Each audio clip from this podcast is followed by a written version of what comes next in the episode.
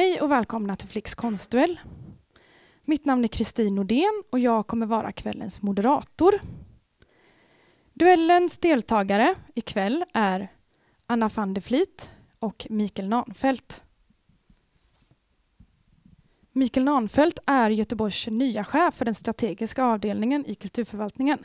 Det är också en ny avdelning inom kulturförvaltningen. Kulturförvaltningen innefattar Göteborgs museer, konsthall, bibliotek, Stora Teatern och avdelningen för fri konst och kultur.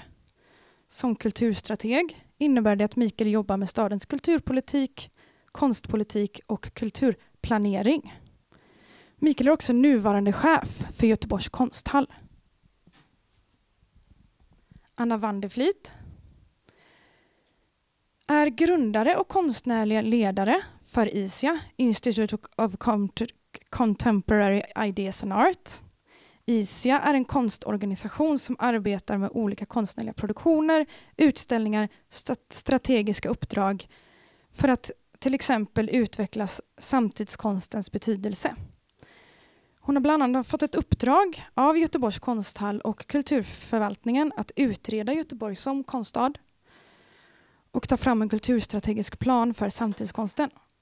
Hon är även verksam som konstkritiker i Expressen och som redaktionsmedlem och styrelseordförande för Paletten.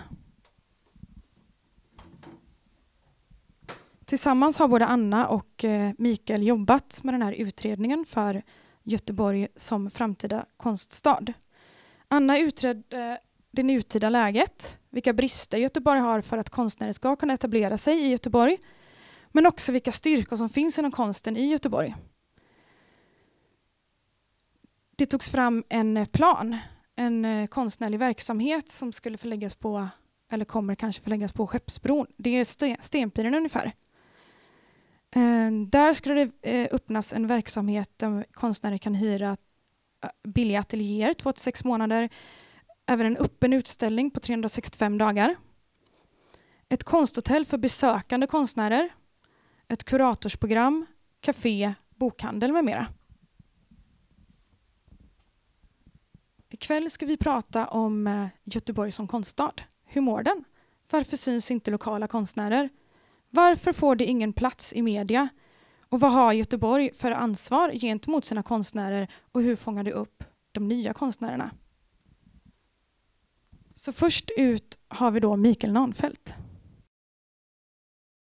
Eh, tack för inbjudan. Jag vill bara snabbt säga, kom in där, att eh, den här utredningen som Anna gjorde var även regionen involverad i. Så det var inte bara Göteborgs stad. Hur mår Göteborg som konststad? Jag skulle säga att den, bo, den, den mår väl både bra och dåligt samtidigt. Jag fascineras ändå över hela tiden och eh, hur mycket det är som görs i Göteborg. Hela tiden. Både av konstnärsdrivna initiativ, det självorganiserade platser men även ska vi säga, större institutioner. Det är ju en kolossal produktion i Göteborg. Men det är någonting som gör att vi hela tiden uppfattar det som att det inte så att säga, funkar bra. Och efter att ha deltagit i ett antal sådana här sittningar nu efter den här artikelserien. Så det här är min femte sån här jag sitter och ska prata om konststad i Göteborg. Eh, jag träffade några av er så sent som igår. Så är det någonting som vi kommer fram till tycker jag så där, som handlar om varför syns det inte det vi gör? Varför märks det inte? Att skälla på media och säga att media inte bevakar oss, ja det kan vi ju göra men det verkar ju inte bli bättre för det. Och frågan är ju, så, frågan är ju då, kan vi, kan vi åstadkomma det där själva på något sätt? Hur kan vi hitta på någonting som gör att vi syns? För det händer kolossalt mycket. Den där artikelserien tycker jag, den första eh, artikeln där som kom, den var ju lite lätt förvirrad. Och det blev ju också en ganska stark reaktion på den. Jag vet att eh, Mikael Olofsson skrev något svarsinlägg på den första artikeln. Jag tror det var den första, kanske var andra eller tredje. Så att, som just pekade på hur mycket som faktiskt händer i den här stan. Hur mycket, att det finns faktiskt många konstnärer som ändå är verksamma här som inte flyttar härifrån och som jobbar hela tiden. På epidemin eller eh, andra ställen. Alltifrån eh, händelser som sker på skogen eller på tredje våningen eller på gårdar, Fabriksgatan. Det, det händer väldigt mycket. Vi har, en konst, vi har en konstakademi, vi har ett flertal konsthallar, ett konstmuseum och så vidare. Så det händer ju väldigt mycket men vad är det som gör att det inte funkar då? Jag vet inte. Det finns mycket som är bra med Göteborgs konst. Jag tycker att det, man, det, det finns en närhet. i saker och ting. Det är ganska lätt att få, att få till stånd saker och ting. Det är ganska lätt att få till stånd samarbeten. Det är inte, jag tycker inte, det är mycket, på ett plan så är väl alla typer av infrastruktur eller ekosystem hierarkiska i någon mening. Men samtidigt så är det ganska lätt att få till stånd samarbeten ganska fort tycker jag den här staden. Den är ganska intim på många sätt. Jag tycker den är bra. Det händer mycket. Men vi, vi har ju etablerat en bild av att det är mycket som inte funkar. Det, det gör det ju säkert också. Hade vi kunnat hitta ett sätt att förstå hur mycket bra saker som sker så hade vi kanske mått bättre. Tack så mycket. Men vi går vidare till Anna. Nej men jag håller väl med Mikael om det att det är jättemycket som vi sitter här. Det här är nytt. Eh, jättehäftigt att få vara här idag. Det finns ju någonting med det faktumet att det inte kanske finns så mycket institutioner om man jämför med Stockholm eller även Malmö. Som gör att det också kräver någon slags ehm, det kräver initiativ. Det kräver att man tar saken i egna händer på ett sätt som faktiskt inte alltid eh, är lika lätt i en stad där man upplever att allting finns. Jag kan bara ta ett exempel på det när jag tidigare jobbade som curator för en organisation som heter MAP, Mobile Art Production, som lades ner 2012. Men det startades av Magdalena Malm som är direktör för Statens konstråd nu 2007 tror jag. Och så öppnade vi i Göteborg också 2010 och 2012 så sågs vi som en uppstickare i Stockholm fortfarande efter fem år. Trots väldigt många stora produktioner medan i Göteborg så välkomnas vi som en eh, stor aktör inom ett halvår. Och det är ju fördelen här, att det finns en närhet, det är väldigt lätt att få kontakt med varandra. Det finns mycket som är bra. Det som jag saknar är förstås, nu pratar jag inte på en byråkratisk nivå utan kanske på en mer högre politisk nivå från Göteborg som stad så att säga. Att det finns en, en rädsla upplever jag ofta att konst är elitistiskt, konst är någonting som bara få människor är intresserade av. Som gör att man kanske inte intresserar sig sådär jättemycket för att lägga några större resurser på konsten. Och det, det är någonting som vi alla som jobbar med det här på olika sätt måste hjälpas åt att försöka tala om helt enkelt. Sen är det ju en annan sak och det är ju inte, det är inte Göteborgs konstliv utan det handlar ju om det faktum att Göteborg har blivit en väldigt dyr stad. Det är oerhört dyrt att leva här och det är oerhört dyrt att ha ateljéer här. Det där är ju en, en fråga som vi då föreslog i den här utredningen. Det är där någonstans, om man ska hjälpa stadens konstliv eller stadens konstnärer att stanna kvar efter de har slutat på skolor och sådär så måste det finnas billiga ateljéer och billiga platser och det gör det inte. Tack så mycket Anna. Ni båda säger att det är väldigt lätt att eh, hitta samarbeten och samarbeta. Även om det är det, hur ska man då få in eh, Lön för mödan. Vad finns det för möjligheter för en konstnär idag? Ja, det är ju jättesvårt. Ingen av oss två är ju konstnärer. Eh, jag hade kanske hellre hört en konstnär uttala sig om hur det är att vara konstnär i Göteborg än vad varken Mikael eller jag kan göra egentligen. Nej, det är klart att det är ett jätteproblem. Jag tror att det hänger också lite grann tror jag, ihop med den där rädslan som Anna pratade Jag tror att Anna skrev det, att det finns väldigt lite pengar i bildkonstområdet. Det finns inte lite pengar i kulturområdet. Det finns väldigt mycket pengar inom kulturen. Och det kan man bara se i Göteborg. Vi har ett stort operahus, vi har konserthus, vi har stort Jag säger inte att de inte ska finnas, men det finns ju mycket pengar i, i kulturlivet. Men det finns väldigt lite pengar i bildkonsten. Och, alltså det måste finnas en vilja att ta en chans att experimentera. Att testa någonting utan att veta hur det går. Alltså att våga låta unga konstnärer som precis befinner sig i början av någonting faktiskt tro på det helt enkelt. Även om man inte har liksom hållit på i 10, 15, 20 år och har, en ganska, har ett långt CV och kan visa upp det ena efter det andra.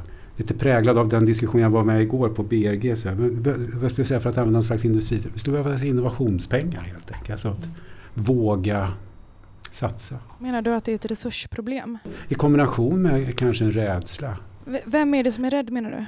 Jag tror att det finns en rädsla både hos politiker men också en massa andra som håller på, som har pengar kanske. Näringsliv eller...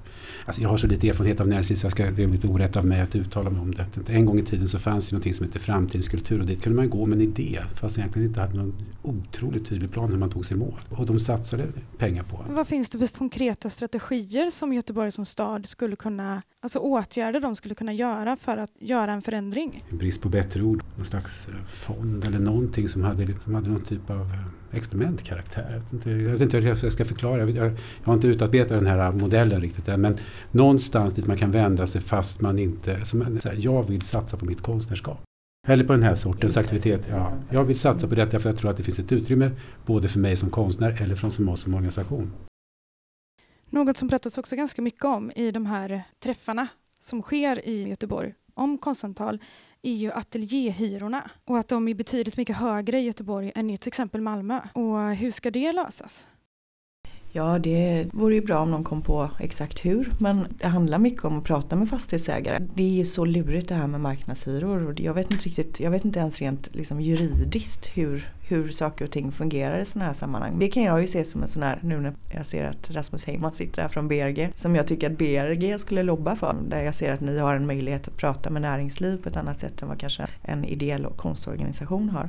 Ja, och jag tror att det handlar också om en idé, väldigt, det Mikael var inne på här med att bildkonsten har så oerhört mycket mindre resurser om man jämför med teater eller scenkonst överlag. Att man har en ganska ehm, stark bild av en konstnär som står ensam i en ateljé och målar ett objekt och sen ska ställa ut på en konsthall. Och det finns ju många som jobbar så men det finns ju väldigt många som inte jobbar så också. Där det handlar om komplexa produktioner, långa processer, konceptuella och samarbetsprojekt som, eh, som är oerhört svåra att formulera i ett tidigt skede. Satsa mer på den typen av eh, komplexa produktionsstöd är någonting som jag har lobbat för länge. Och inte minst från regionens sida som har en otroligt mycket större kulturbudget än vad Göteborgs stad har. Eh, regionens kulturbudget ligger på 1,2 miljarder. Nu är jag lite ouppdaterad på exakt fördelningen av den summan men någonstans för tre år sedan så var summorna i stil med teater och scenkonst 650 miljarder av det. Eller miljoner förstås. Annars hade vi varit väldigt lyckliga allihopa. Eh, så, så, att halva går rakt in i, i teatern. Eh, och det är ju fantastiskt. Jag, menar, jag älskar teater också förstås. Men att 30 miljoner till bildkonst. Det är inte helt liksom, rimliga proportioner. Anna, du pratar ju om att blanda in fastighetsägarna i, i ateljéerna. Vad ser ni för risker med att blanda in fastighetsägarna i sådana frågor? Ja, jag, jag, vet inte vilken risk det skulle vara. Det finns väl alltid en risk om det finns en synpunkt på vad man gör. Jag ska inte säga var någonstans, men jag var, in, jag, jag var inför inte så länge sedan i ett sammanhang där, diskut, där vi diskuterade lokalisering av kulturverksamheter till ett specifikt område i stan. Och då frågade jag liksom, vad, är, vad är det man är intresserad av? Ja, man är intresserad av samtiden fast inte för avancerad. Och då, och då finns en uppenbar rädsla. För några år sedan så gjorde vi en utställning på Konsthallen. Det var en amerikansk kurator och konstnär, Anthony Marcelin, som gjorde den. Och Jörgen Svensson, och konstnären här, här i stan, satte upp en skylt på konstnären det stod dra åt helvete på. Och det blev ju en fruktansvärd reaktion på det. Jag vet inte hur många arga gubbar det finns i Göteborg som kan skicka mejl till mig om en sån sak. Alltså, för det första finns ju väldigt lite humor hos vissa människor. Och, och framförallt så finns det väldigt lite förståelse för att det där faktiskt kan betyda någonting. Utan det finns en rädsla. Så att, det är väl klart att var det inte till och med ledarsidorna på GP ja, som gick ja, in och, och tyckte Precis, massa saker? Just det. Mm. Ehm, Men denna eventuella Just. rädsla från fastighetsägarnas eh, sida så är det ju så att eh, inför Göteborgs stads 400-årsjubileum så kommer ju sommar vara en eh, gatukonstfestival som heter Artscape.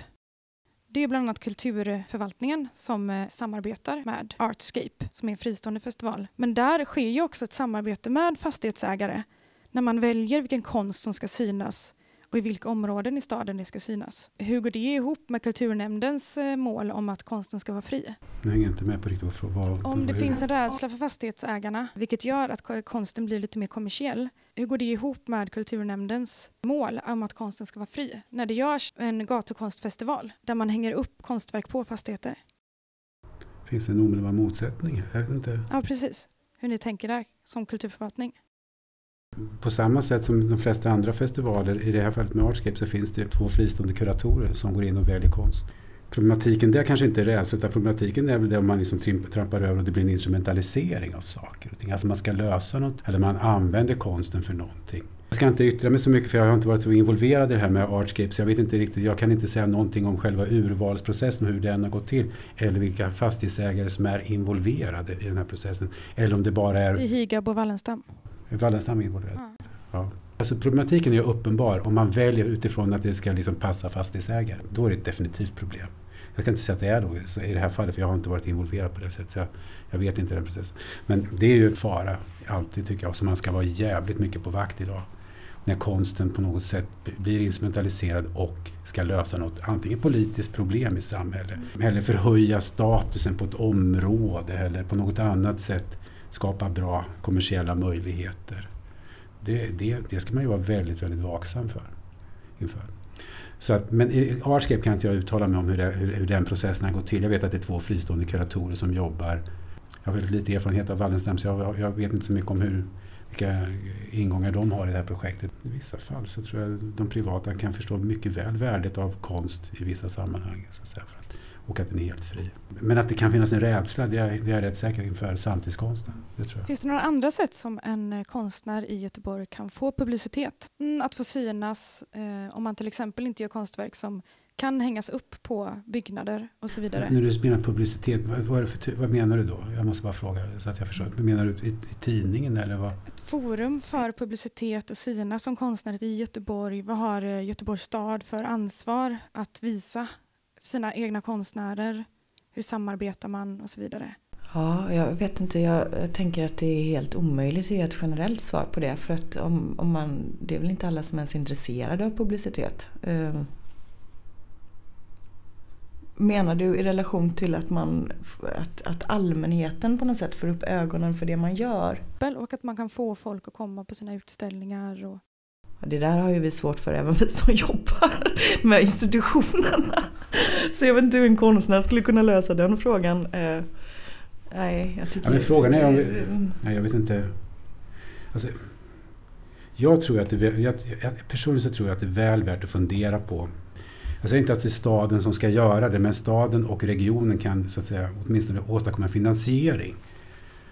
Jag tror definitivt att man ska titta på det här. För ett antal år sedan så var jag, några år sedan så var jag involverad i ungefär en slags motsvarande diskussion fast i Glasgow. Det finns några vissa likheter mellan Glasgow och Göteborg. Att det är en postindustriell stad.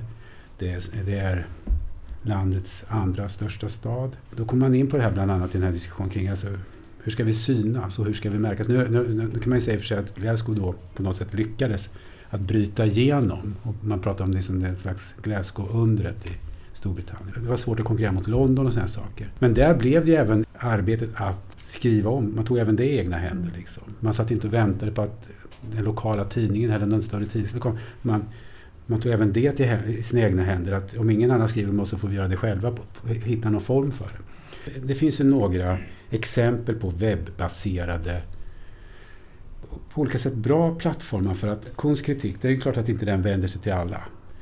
De tillåter långa avancerade artiklar. Jag tycker det är fantastiskt att man kan göra det. Allting, allting måste inte vara lättuggat. ADA är ju också en sån plattform som har funnits. Eh, men det kanske är dags att hitta på någonting liknande, för att hitta en form för det även för bildkonsten. Något forum som, där, vi, där man kan hitta en slags redaktionell plattform där det både finns det här en uppdatering, bevakning, vad är det som pågår, där det också, men det också det finns redaktionellt, med intervjuer, samtal. Staden ska inte göra det, men staden kan finansiera det för att det finns ett intresse av att se vad det är som händer i den egna staden. Mm. Och så bygga lite egen, e- bygga självkänsla. En slags blandning av ja. kalendarie och eh, recensionsverksamhet. Om man ser på konsten.net så är väl den kanske lite mer i linje med det du ja tänker. Ja, precis. Men någonting som, och det tror jag verkligen att, att liksom, så att säga, det är alltid svårt att prata så generella termer. Vad är en allmänhet och vilka är det och så. Men, för det är väl det som saknas i Göteborg lite grann. Att det är svårt att ta reda Det är svårt att veta vad som händer. Även om vi alla som gör, eller som ni har gjort ett jättejobb för den här kvällen och det är Facebookutskick och det är nyhetsbrev och sådär. Så just det där att liksom nå utanför sin krets det är ju väldigt svårt. Det, det tror jag verkligen att, eh, speciellt eftersom Göteborg också har en, en hel en, en, tradition och som jag tycker väldigt mycket om med någon slags eh, performativ scen. Alltså om man ser på, på Anders galleri i, i Gårda till exempel. Som det är mycket så här en kväll här och där eller skogen till exempel. Och så är det ofta man tänker liksom efteråt, men gud varför visste jag inte det där? Jag hade ingen aning om att det var. För jag har inte kollat Facebook på en vecka. Att det måste finnas någon annan plattform än Facebook att ta reda på vad som finns. Så det tror jag verkligen hade varit, och det är ju ett samtal man för. Jag vet, eh, jag hade träff med Jonas Ekeberg som är grundare av Kunstkritik förra veckan. Som ju för idoga samtal nu med, med Norge och även med eh, Sveriges eh, kulturråd. För det här är ju inte bara en fråga för Göteborg, alltså hur, när media är i sin så kallade kris, vad man nu lägger i det ordet, det vill säga ägarna tar ut alldeles för mycket pengar så, så försvinner ju kultursidorna. Och det, är ju, det här är ju inte bara i Göteborg, så här är det ju i hela, hela Norden och även i andra delar av världen. Så eh, måste man ju tänka ut andra sätt var ska det här fördjupade samtalet som en större allmänhet kan ta del av äga rum? Vi måste tänka där eh, ordentligt och inte vara så rädda för att stödja tror jag eh, kritiker, löner alltså till, även till den, till den delen av konstlivet som, som inte bara är konstnärer utan andra för att få den kritiska massan som är helt nödvändig för ett fungerande konstliv och kulturliv eh, generellt. Det tror jag, är, jag tror, tror, att det verkligen är en jätteutmaning och, och någonting som vi behöver ta tag i ganska snabbt. Och jag blev jätteglad när jag såg att eh, Konstepidemin har fått stöd från Nordiska kulturfonden eller om det är KK, vad de nu heter, för att göra ett eh, kritikerresidens.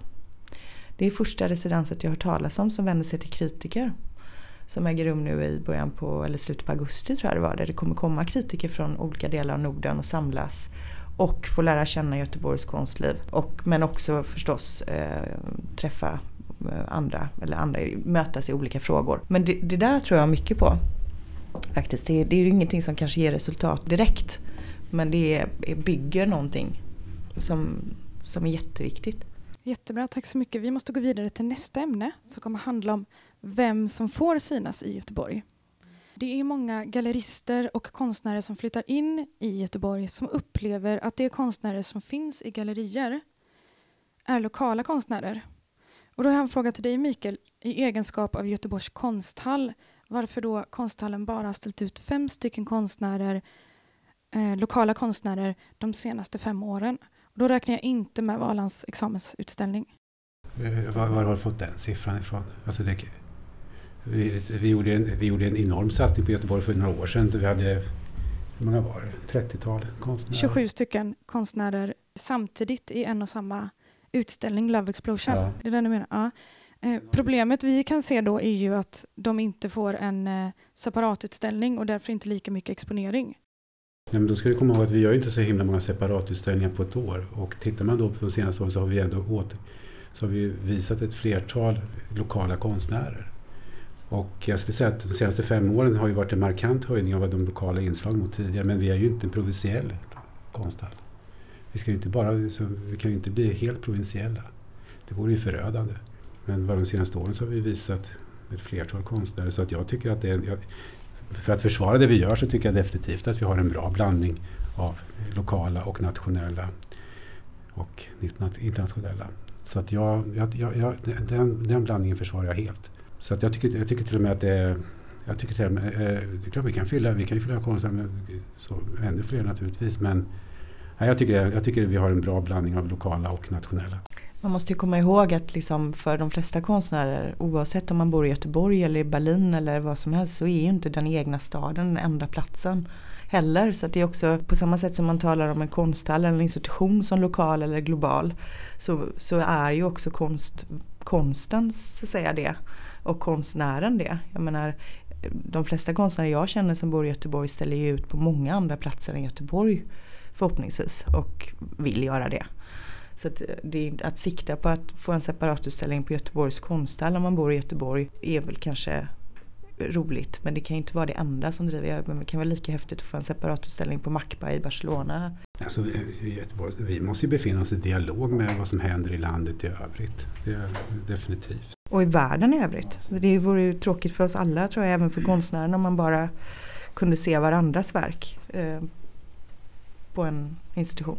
Göteborg köper ju också in konstverk av konstnärer och är väldigt bra på att dela upp det så att det är hälften kvinnor och hälften män som hänger ute på offentliga platser och arbetsplatser och även vissa privata arbetsplatser. Däremot så är på högskolorna så är det en femtedel män och hela 80 procent kvinnor som examineras på konsthögskolorna. Och då undrar vi varför det inte speglar den siffran. Är det så alltså? Det hade jag ingen aning om. Inte jag heller. Nej, vi, alltså, vi jobbar inte på att spegla Konsthögskolans siffror. Nej, men med de siffrorna så tror vi i alla fall att det är övervägande del kvinnor som jobbar med konst. Och ändå så är det hälften hälften män och kvinnor som får synas i Göteborgs stad. Vi, vi, man kan ju säga att ja, kan man, säga, vi, det är väl ett, jämlik, det är ett jämlik, jämlikhetskriterium vi har att vi ska ha en blandning. Vi ska ha en jämn blandning mellan män och kvinnor. Vi har aldrig utgått ifrån hur det ser ut på Konsthögskolan. vi, försöker se ut, vi försöker bedöma hur det ska se ut i vår egen verksamhet.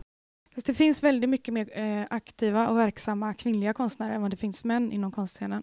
Ja, det är mycket möjligt. Och är det inte det då att sätta lite käppar i hjulet för de kvinnliga konstnärerna att köpa in hälften hälften? Ja, jag vet inte, det finns ett, man, kan, man kan väl börja med jämlikhet på alla möjliga ställen.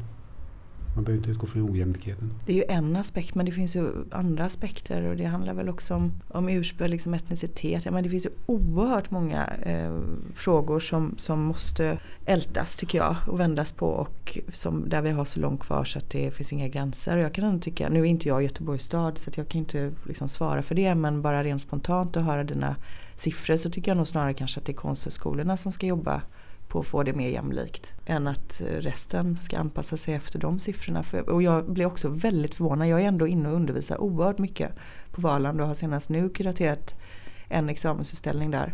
Valand är ju den, eh, eh, den få i landet som har hälften hälften. Men då skulle väl Göteborg spegla den i sådana fall eftersom den ligger i Göteborg. Men det finns också andra konsthögskolor i Göteborg. Nej, det finns en konsthögskola i Göteborg. Sen finns det förberedande konstskolor i Göteborg. Men det finns bara en konsthögskola. Vilken är den andra konsthögskolan? Högskolan för design och konsthantverk. Ja, den jobbar inte vi mot specifikt. Så att på det sättet. Vilka menar du med vi?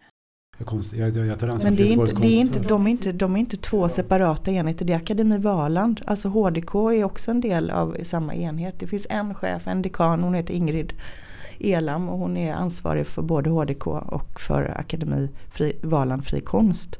Så det är inte två olika konsthögskolor. Det är två olika inriktningar på utbildningarna. Men om de har 80-20 på HDK så har de ju då, har de, då börjar ju de jobba med sina siffror snarare än något. Alltså, det är väl mer rimligt att försöka jobba för att ha en, att ha en jämlikhet på det sättet än att jobba efter ojämlikheten. Nej, men en tanke kan ju vara att om det är, en, om det är kvinnor som dominerar en viss arbetsmarknad att man då ändå ska trycka ner den biten att de inte får lov att dominera den arbetsmarknaden när det finns så få arbetsmarknader med, eh, för kvinnor med social hög status. Att man kanske ska värna om det. Men tycker, menar du att du tycker att, att vara konstnär har en hög status? Så hög social status? Social status, okej. Okay. Ja. Att det är ett ansett yrke? Det är hos många är det inte det kan jag säga. Nej, det är helt riktigt. Jag tycker snarare att det stora problemet vi har, jag kanske inte tycker det är det stora problemet, jag tycker det stora problemet vi har och, det kan ju, och där ska vi vara väldigt självkritiska även på Konsthallen och Göteborgs stad och högskolorna. Vi har ju ett oerhört problem vad gäller så att säga, representationen och då menar jag inte mellan könen utan annan representation. Det är ju det riktigt stora problemet. Att, att man har 80-20 tycker jag fördelar med att man ska börja fundera på hur man ska rekrytera så att man får en jämnare balans snarare än att förstärka obalansen. Men eh, representationen är ju det gigantiska bekymmer som vi har att brottas med här. Där vi definitivt behöver fundera på hur vi ska hantera framgent. Klassperspektivet är ju betydligt större utmaning tycker jag faktiskt. Det är ju en jätteutmaning som jag inte riktigt vet hur vi ska gripa oss av men som absolut måste tas i all, på, på högsta allvar. Om vi pratar lite mer om studenterna så är det många som känner att det är svårt att komma in på marknaden som konstnär när de tagit examen. Till exempel så får de spendera eh, de första åren med att bygga upp eh, sina egna ateljéer och föreningar eh, hos bland annat privata hyresvärdar. Och det kan ju vara ateljéer och gallerier, eller ateljéer menar jag, som inte ens är byggda för att vara ateljéer. Och se, hur ser ni på möjligheterna att fånga upp de här unga konstnärerna och att övergången från att vara konststudent till att vara verksam ska bli lite smidigare i Göteborg. Men då är vi tillbaka där som Anna pratade om tidigare, det här med ateljéer. Och jag vet inte hur man åstadkommer det, men det är en huvudsaklig anledning till varför Berlin bara drog iväg som konstnär. Det var för att det fanns lokaler, det var billigt. Och det är inte så jävla konstigt. Alltså, det, det, det, är sån enkel matematik. Mm. Och det är att vi saknar ju platser där man kan jobba som inte kostar skjortan. Vi saknar ju det. Och jag vet inte hur vi, men på något sätt som jag, som, som, i alla fall som jag har funderat nu utifrån den här nya rollen jag har som, att jobba med, utifrån att jag tittar på någon slags långsiktig konstpolitisk strategi. Eh, och då i kulturprogrammet så finns ju också det här hur, alltså, hur man ska jobba för infrastrukturen.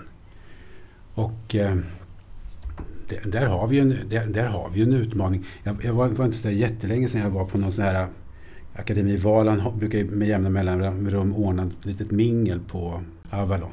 Och nu senast jag var på det där så var, hade man väl så man bland annat bjudit in Thomas Dahl från Wallenstam.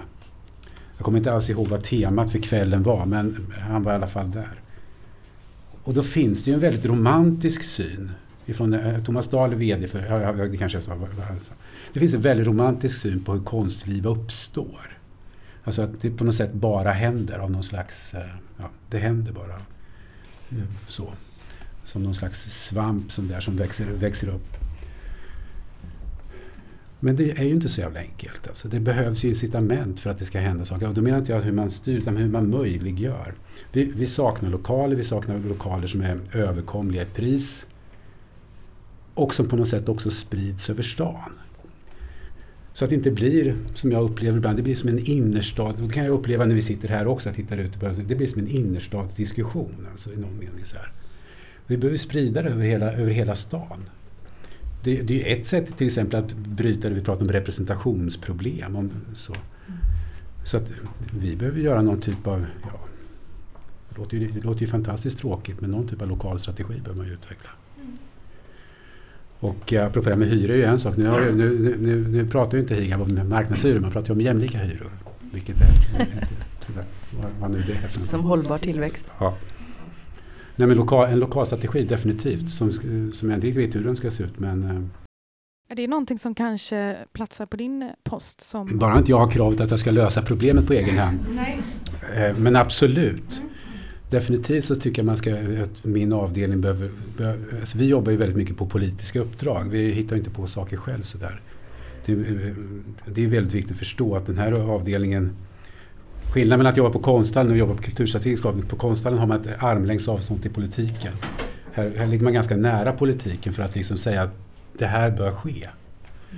Definitivt behöver vi få ett politiskt uppdrag att titta på lokalfrågorna. Alltså hur ska vi åstadkomma någon typ av förändring? För jag tror att det finns, det, finns det tillgång till billiga lokaler och det, finns, att det, och det är inte svårt, så ska man nog säga att konstnärer kommer hit också. För att jag menar, mm. Sen, jag kan inte svara för HDK för jag har ju aldrig ens varit gästföreläsare där tror jag. Kanske någon gång för länge sedan. Jo, det har jag visst. Utställningsstudier där som finns som Jonas Fridén driver.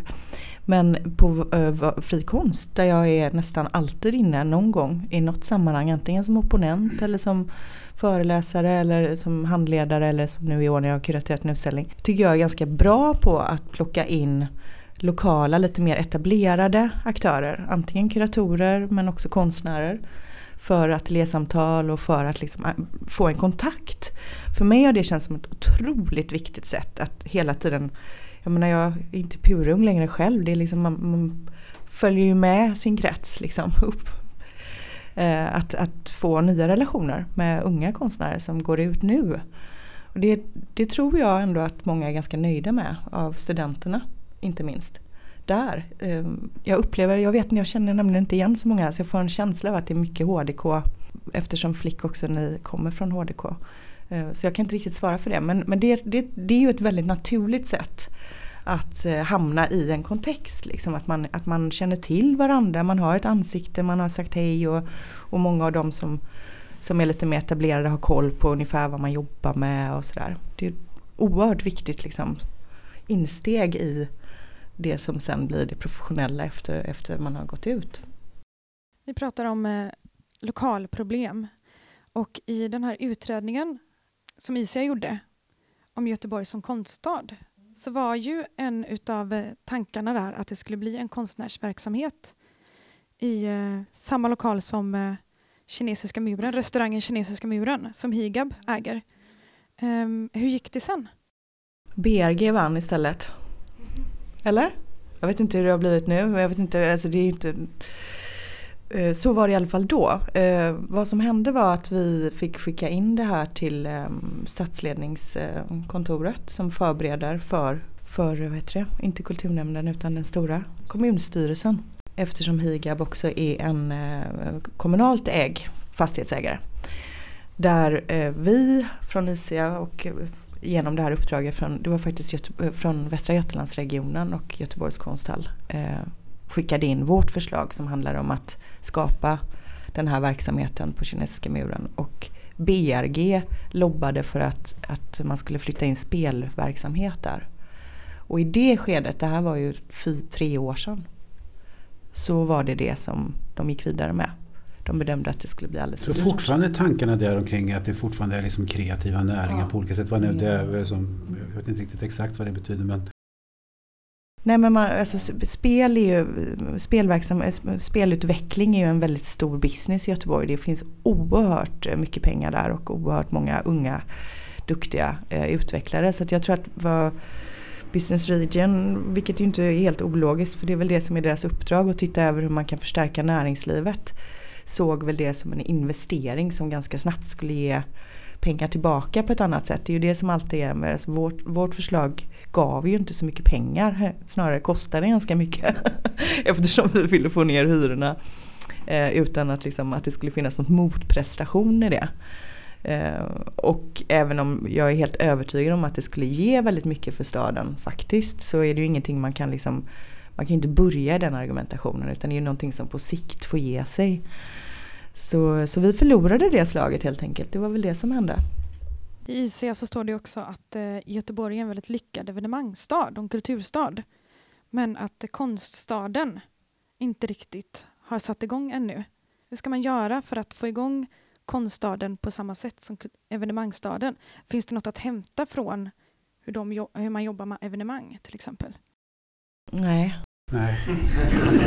Bevara mig alltså, det, det enda skulle vara, det, enda, det enda skulle jag säga det är väl så att säga, på något sätt att åstadkomma uppmärksamhet. Men jag tycker inte att det, jag tycker inte vi ska titta på själva sättet att jobba. Det går inte att översätta den metoden. Sen måste man komma ihåg att ett sånt här dokument är ju alltid också diplomati. Alltså det är inte en kritisk text vi har skrivit där utan det är en text som på något sätt argumenterar för vår sak och i den så självklart måste man trycka på det som är också är bra med staden. Det hade varit väldigt svårt att komma till kommunstyrelsen och börja. Och, och dess konst var vi inte lite bra på att prata om det precis när vi började? Eh, eller menar du konstnärer eller menar du konst... Ja, vad är det som utgör ty typiska göteborgska konsten? Jag vet att du skrev lite om det eh, med samarbete och... Ja, alltså mer i den bemärkelsen. Och det, där har jag väl, eftersom jag har jobbat så många år i Stockholm, en ganska tydlig erfarenhet av att Stockholms konstliv är mycket större. Man eh, har inte riktigt de samarbetena över konstformerna på samma sätt. För att det är liksom tillräckligt mycket människor inom varje konstart så man har inte tid att liksom jobba över. Och det är ju både en styrka och en svaghet. Svagheten med det är ju att det är väldigt svårt att få till stånd den typen av samarbeten. Jag vet då med MAP som jag jobbade med. Så var vi, det var ju så vi jobbade. Vi jobbade till exempel med Dramaten och sådär. Men det var ganska svårt att, få, att komma dit om man jämför med hur det är att jobba här. Där vi har liksom tidskrifter, scenkonst, teatrar. Att det finns en väldig närhet mellan de olika. Inte minst på Konstepidemin som också delar att det är bildkonstnärer, kompositörer, skådisar, alla möjliga olika. Musiker inte minst. Och eh, om det är någonting som ändå finns något slags arv i den här stan från kanske 80-talet så är det väl också att det är mycket ljudkonst. Och det är mycket det performativa som, som ändå är lite grann ett signum för, eh, för någonting. Eh, det finns ju jättemånga som inte jobbar med det förstås. Men det finns ändå med och jag upplever att det finns en väldig närhet mellan den här underground musikscenen än idag bland unga, inte så eh, stora än, som jobbar med konstnärer. Att man liksom mycket, jag vet på min tid när jag liksom pluggade med då, då var det ju jättemånga konstnärer och från, eller eh, studenter på frikonst och HDK som gjorde väldigt mycket tillsammans. Jag vet inte om det är så längre. Men då var det liksom, det var inga dörrar däremellan. HDK hade alltid sina fester, Valand hade sina fester, man hängde med i båda kretsarna. Det upplever jag kanske inte riktigt det är så längre, men det var så i alla fall då. Däremot så upplever jag att det fortfarande är så med musik. Tack så mycket. Är det någonting som ni vill säga som avslutande ord nu innan vi tar en paus? Nej, jag tror jag är lite tömd. Kanske ska spara energin till publikfrågorna då? Ja. ja. Men då tar vi en paus. Ja, tack.